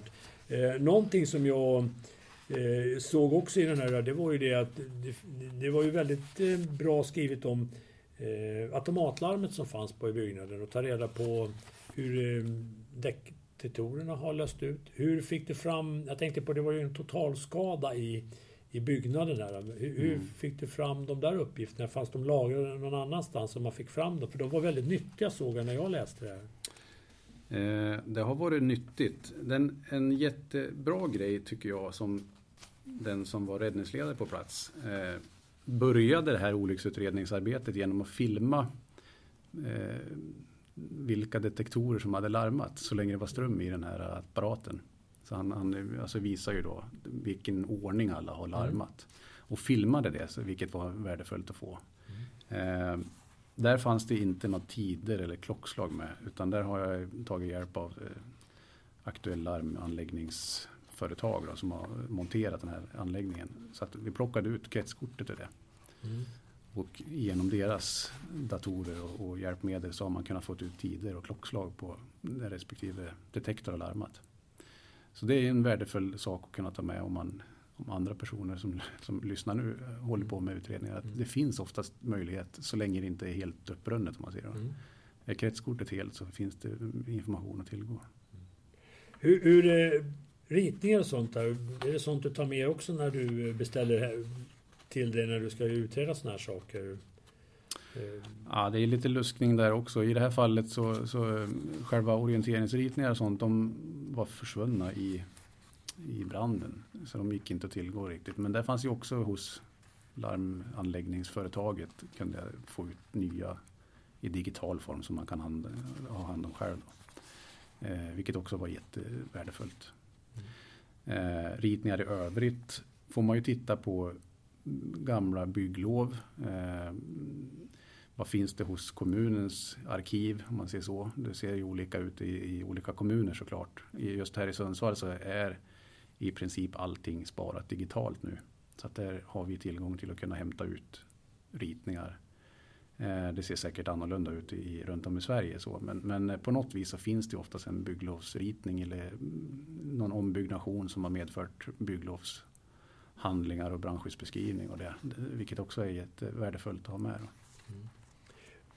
Då när du sätter igång, du intervjuar, du tar fram ritningar, du kollar i loggarna och sånt där. Hur, eh, hur går du tillväga sen då när du gör de här rapporterna? Det, den är ju gedigen, den är ju på 25 sidor och jag kan inte säga att jag hittar något ställe där det stod något onödigt i alla fall. Utan jag tycker det stod väldigt bra saker hela vägen. Eh, hur, hur tänker, har, har ni en mall ni går efter eller jobbar du ut efter från fall till fall?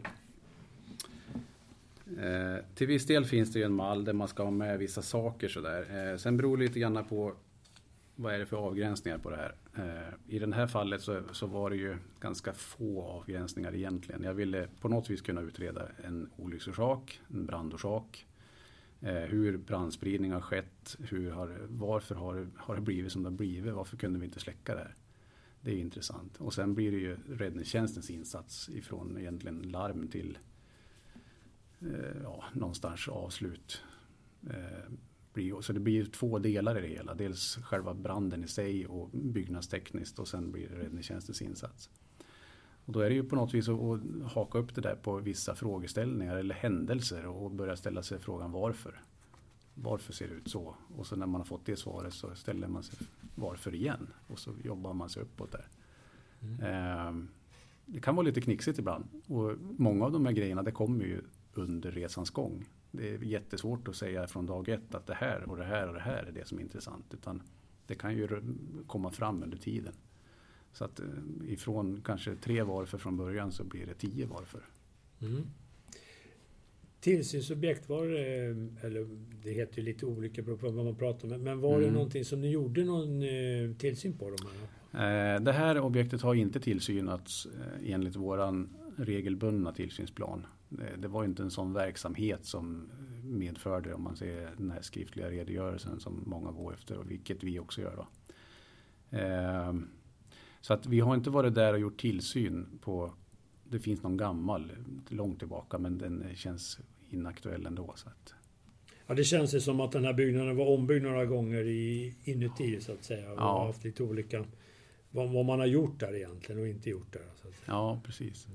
Hur, eh, när du börjar arbeta med det, hur får du ihop det? Vad, vad, vad blev grunden att du kom fram till efter du har gjort alla de här sakerna som man behöver göra för att få faktan? då? För du måste ju ha grundfakta sen gå över till att få, få ner någonting i pränt som också ska ge någonting tillbaka. Mm. Hur tänker du där då? På?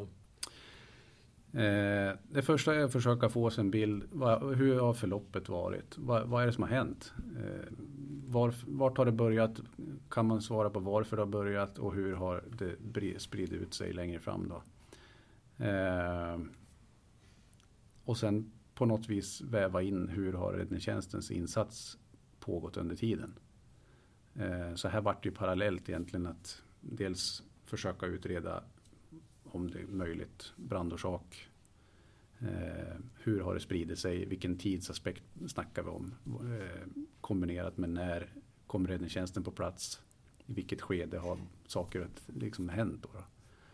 Eh, och där är ju de här tiderna från automatlarmsanläggningen är ju jättevärdefulla. Mm. Så att det har ju legat till grund för att kunna se hur spridningen har gått. Tillsammans med fotodokumentation. Och vad har du kommit fram till eh, om man ser det till? Hur, hur, hur ser du på det utifrån den här olycksutredningen då, i, i grunden? Alltså? Ja, i grunden så är det ju svårt att säga orsak till brandstart. Det har jag inte kunnat komma fram till överhuvudtaget. Eh, det är alldeles för utbränt så det det finns inga tecken alls på det. Eh, det man kan konstatera är att det har startat på, i den här delen som har ett form av lagerhotell där privatpersoner och företag kan hyra eh, förråd i varierande storlekar. Då. I något av de förråden på nedre plan har branden troligtvis startat. Eh, och sprider sig sen successivt utifrån den punkten. Och det kan man följa ganska tydligt med på brandlarmanläggningen. Eh, vilka detektorer som har löst. Det som är anmärkningsvärt kan jag tycka i det här fallet det är att hela den nedervåningen den skulle ha utgjort en egen brandcell. Eh, våning nummer två som i princip såg identisk ut skulle också vara en egen brandcell. Plus de sidorna, åt, eh, delarna av sidorna är, är också egna brandceller. Eh, innan räddningstjänsten kom fram på plats här då har vi haft brandspridning redan till brandcellen till vänster om, om den här delen, om man ser eller kontorsbyggnaden där. Eh, och ungefär samtidigt som, som eh, första styrka kom fram från räddningstjänsten så har vi haft rökspridning till övre plan. Så att där är ju en det, det är ett dåligt utgångsläge där man har haft en, en konstruktion som inte har hållit mer än några minuter för att hindra brand eller rökspridning framförallt. Och, och vidare då, vad, vad mer har du kommit fram till? Så att säga, på? Eh, det som jag tycker är värt att ta upp i det här sammanhanget. Dels eh, en sak med räddningstjänst. Vi hade säkert kunnat gjort saker och ting annorlunda i arbetet. Absolut, det har jag vissa delar som man kan tycka gör. Eh, det som är ändå en stor anledning till det här det är byggnadsprocessen och det byggnadstekniska. Där man skulle kunna jobba kanske på ett annat sätt i, i byggprocesser och i remissutgåvor till, till byggkontor och så vidare. Hur att, att räddningstjänsten på något vis kan använda den här händelsen som ett exempel på. Du tänkte när man bygger nytt eller när man bygger om? Ja, egentligen bägge delarna. Ja. Att man är mer ifrågasättande till eh, analytiska verifieringar och så Mm. vidare i, byggprocessen och sådär. Att, att verkligen börja tänka hållbarhetsmässigt. Kommer det här att funka över tid?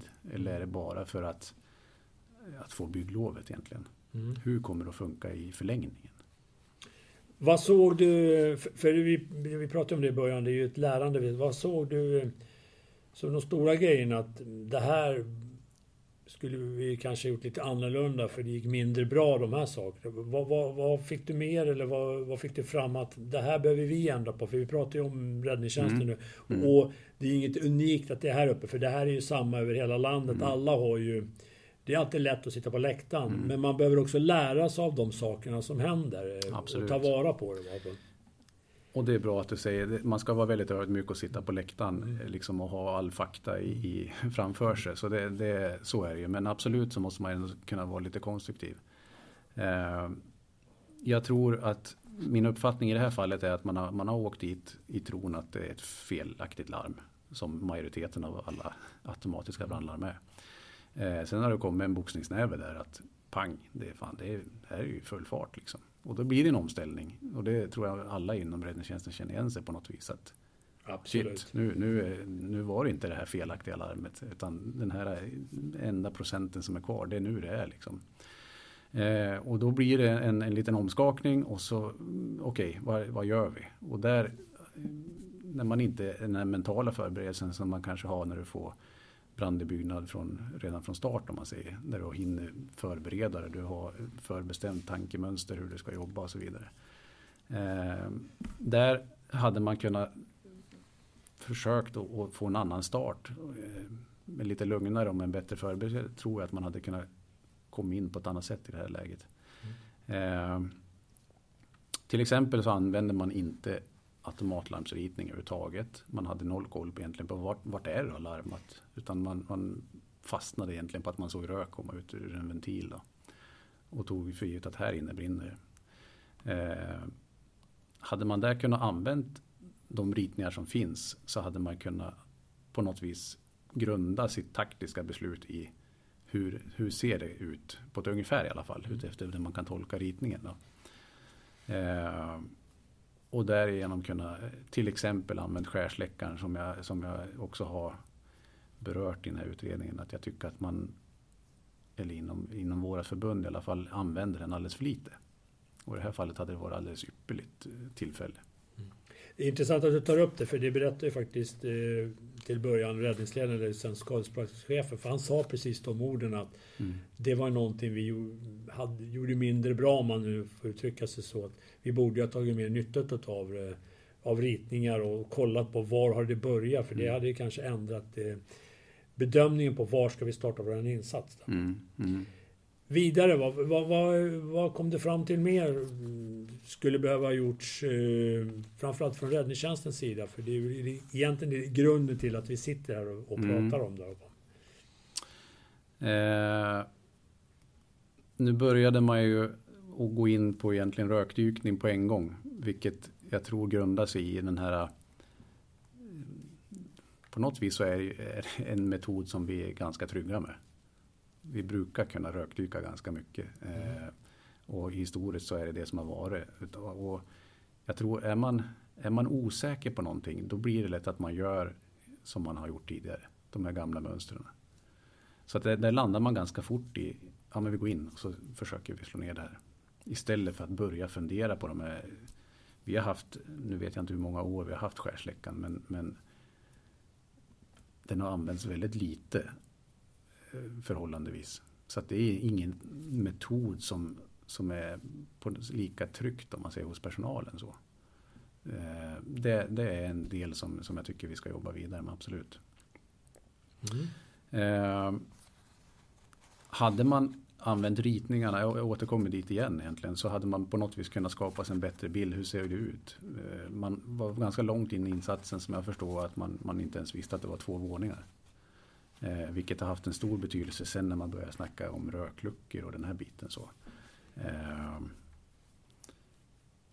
I det här fallet så, så var det ju rökluckor i byggnaden. Men de, ja, de hade inte fungerat som tanken var. Tanken var att i projekteringsmässigt så skulle de ha öppnats av, brandlar, av, av larmet. Alltså. Mm. Det hade inte gjorts. Eh, nu ville man på, få ut röken då och man kom fram till att ja, men det, man, man ville utreda om kan vi öppna luckorna, hur kan vi göra för att få upp dem så. Lite kommunikationsbrister så öppnades de egentligen utan order. Eh, lite otydligt där kanske i kommunikationsvägarna.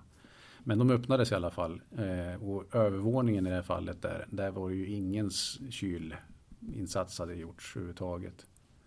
Vilket kan ju medföra att man har fått ett kraftigare brandförlopp när man tillför sig syre genom att att man öppnar det helt enkelt. Men i grund ska ju de luckorna uh, gå upp automatiskt som jag förstod av rapporten. Ja, precis. Enligt brandskyddsbeskrivningen som jag pratade om lite grann alldeles nyss här. Så, eh, det är ju en projekteringsgrej som ska ha funkat. Mm. Och det har inte funkat. Eftersom de inte har öppnats. Mm. Hade de öppnats på en gång då är det ju det är svårt att säga exakt hur, hur slutprodukten hade sett ut ändå. Men det hade inte blivit samma ansamling av gaser i alla fall i, på övre plan. Och inte, inte i utrymmet bredvid heller. Initialt i alla fall. Någonting mera som du kom fram till eh, när du tittade på det som vi kan ta med oss? Då, så att vi andra lär oss av vad som har skett? Som du känner? Eh, ledningsplats. Eh, min uppfattning är att den hamnade ganska nära byggnaden. Vilket gör att för många människor rör sig på ledningsplatsen. Eh, om man tittar på några videoklipp där så, så, är det ganska ofta som sektorcheferna, alltså respektive styrkeledare, rör sig på ledningsplatsen. Och det, det blir nog egentligen på grund av att den är för nära. Det blir lättare att gå och prata med, med räddningsledaren fysiskt än att ta saker kort, koncist på radio. Eh, jag upplever det så att, där hade man kunnat jobba på ett bättre sätt. Eh, och det är väl egentligen att när man kommer som en, en, en tillledningsfunktion så verkligen omvärdera hur jobbar vi här? Hur ser det ut på platsen? Kan vi flytta den här skade, eller ledningsplatsen? Inte bara köra ett, så här har man börjat. Utan verkligen ifrågasätta lite grann där också. Mm. Är det så här jag tycker det ska fungera? Jag tänkte på, jag läste lite om, vi pratade också om det med eh, i, i, alldeles nyss här med den som var räddningsledare och skadeplatschef om eh, själva när man ger ett mål med insatsen. Hur når vi ut till alla? Har alla förstått vad det är som gäller? Och när vi ändrar på det, alltså från början har man en grund, precis som du pratade, vi går med det traditionella, men sen någonstans längre bak bestämmer man att nej, men nu går vi över till någonting annat. Mm. Eh, för det, jag läste lite i, och förstod lite i texten om att, att det inte hade nått ut. Och det här är någonting som jag själv råkat ut för massor av gånger och jag vet andra brandförsvar, det är inget unikt här uppe utan det sker det. Men har du några bra tips på hur ska vi, hur ska vi hitta och nå ut med att det som bestäm, bestäm, eller bestäms av räddningsledaren, att längst fram rökdykaren typ, att han förstår det här är nu målen med insatsen. Mm. Om man tänker sig stora händelser där det är flera, flera sektorer så. Då det absolut viktigaste det är att veta målet med sin egen uppgift. Mm. Eh, och sen är det ju en, jag vet inte, det är svårt att säga, men i alla insatser måste varje respektive enskild brandman ha det hela målet för sig klart. Det, det är svårt att uttala mig om egentligen. Mm. Däremot så måste man ju ha klockrent, vad, ska jag, vad har jag för mål i min sektor? Vad, I våran uppgift här, vad, vad, vad ska vi åstadkomma? Eh, ibland upplever jag nog att det är där problemet kan vara. Att man börjar jobba på andra ställen också. För att man tycker att här skulle jag behöva göra det och här skulle jag behöva mm. göra det. Så. Eh, exempel på den här branden var att en, en man ställde upp höjdfordon och började vattenbegjuta taket på den här tegelbyggnaden. På ett eget bevåg ifrån, utan egentligen någon form av order att det här ska vi göra. Eh, och det är lite ett sådant exempel. Man ser, fast där brinner det. Där skulle vi behöva släcka. När egentligen eh, målet var att ja, men det får brinna av. Det är mm. betongbjälklager här. Det, taket får brinna av kontrollerat. Vi vill inte ha något vatten på det där. Eh, men innan man kommer till det, att man hinner avbryta det, så har det ändå skett på, på eget bevåg om man säger så. Mm. Så det, det handlar nog om att vi är vi, vi, vilket är bra i många fall, men brandmän är i regel lösningsorienterade och vill göra bra saker. Men ibland så gör man nästan för mycket saker för att man, man är så otroligt lösningsorienterade. Mm. Så att det, det, är en balansgång det där. Vi, vi, får absolut inte ta bort det för det är ju en del att det, man gör bra saker. Mm. Men när det kommer till i ledningsmässigt och sånt där så tror jag vi måste vara, vi måste vara mycket noggrannare med kallat hierarki eller struktur liksom och verkligen när vi är på en skadeplats att fasen nu måste vi ju vara noga liksom. Vi måste kort, koncist, nästan militäriskt i vissa fall. Eh, jag tror det är en lösning faktiskt. Ja, jag är beredd att hålla med dig för det är, man ser ju de här bristerna på fler ställen. Att just det där med kommunikationen och jag kan också hålla med om att ibland så är vi när vi har framförallt haft utbildningsinsatser, då är vi så väldigt övertydliga med och då ska allting veta och då blandas det ihop till slut istället för att man fokuserar på att ja, men lös den här, det här är er uppgift. Mm. Håll er till den och så håller ni er till den och sen hör vi av oss om det är någonting. Mm. Mm. Ja, eh, har du någonting mer att tillägga när det gäller vad ni har kommit fram till som, eh, som du tror att lyssnarna skulle kunna dra nytta av? Eh, förutom att det är väldigt nyttigt att läsa hela rapporten. Det kan jag faktiskt rekommendera. Mm. Jag ska mm. nog börja läsa flera sådana här rapporter än vad jag gör. För man lär sig väldigt mycket av dem. Man får massa funderingar om inte annat om det. Mm. Har du något mer sådär spontant som du känner att det här skulle jag vilja ta upp nu när du har möjligheten? Det är, finns väl egentligen en punkt som jag har berört lite grann här som, som man skulle kunna beröra nu också lite grann. Eh, vi har ju, om man tänker sig runt om i Sverige så finns det extremt många automatlarmsobjekt. Och på alla de här objekt så finns det orienteringsritningar. Som i princip talar om hur hittar jag den aktuella sektionen och, och detektorn. Och så. Skulle man där kunna få in lite mera information för räddningstjänsten så hade det varit guld värt tycker jag. Där man skulle kunna ha lite mer som en brandskiss. Eh, man skulle kunna ha utritat eh, Eh, vart har vi sektionsgränser, alltså brandcellsgränser. Vad är det för typ? Är det, alltså, ska den hålla i 60 minuter eller 30 minuter? Eh, vart finns det dörrar som är, ska utgöra brandcellsgräns och så vidare. Eh, vad finns det för övriga tekniska grejer i den här fastigheten som rökluckor, stigaledningar och så vidare. Eh, skulle man kunna ha det och att det blir på ett enkelt, överskådligt sätt där man verkligen kan använda det i operativt och kunna på något vis ha det hjälp. Då har vi i princip insatskort till alla de här ställena. Du menar någon det... sorts insatsstöd i bilarna? På, typ på en data som kommer ja, upp och får en bild? Eller? Det skulle kunna vara förlängningen sen. Men, och så har vi jobbat på många sätt. Vilket gör att det blir oftast inaktuellt. Det ska mm. uppdateras mm. och så mm. vidare. Men det jag menar nu är egentligen orienteringsritningarna på respektive automatlarmsobjekt. Att man knyter upp dem? Ja, alltså när du kommer dit. Om det sen, nu är det ju i perm liksom mm. så. Om du kommer fram och så öppnar du permen på den orienteringsritningen att man skulle kunna ha mer information i ritningsform. Mm. Där kunna ha utritat brandsäkerhetsgränser och det jag pratade om alldeles nyss. Mm. Eh, sen skulle man ju absolut kunna tänka sig att i, i så mycket digitalt som vi har idag så kanske man skulle kunna få till på sikt ännu bättre system att man kan få det skickat till respektive bil som är på väg. Man behöver inte åka till det där skåpet för man kan få det skickat redan att det är den och den däckaren Eh, och du får en ritning i, en läsplatta, typ så då. Mm. Eh, spara tid. Mm.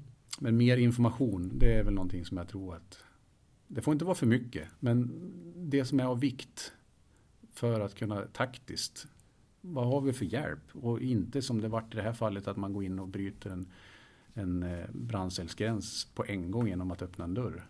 Där man hade kunnat, genom en, en ritning tror jag, kunna gått in på ett annat ställe och ha hjälp av de här brandcellsgränserna istället.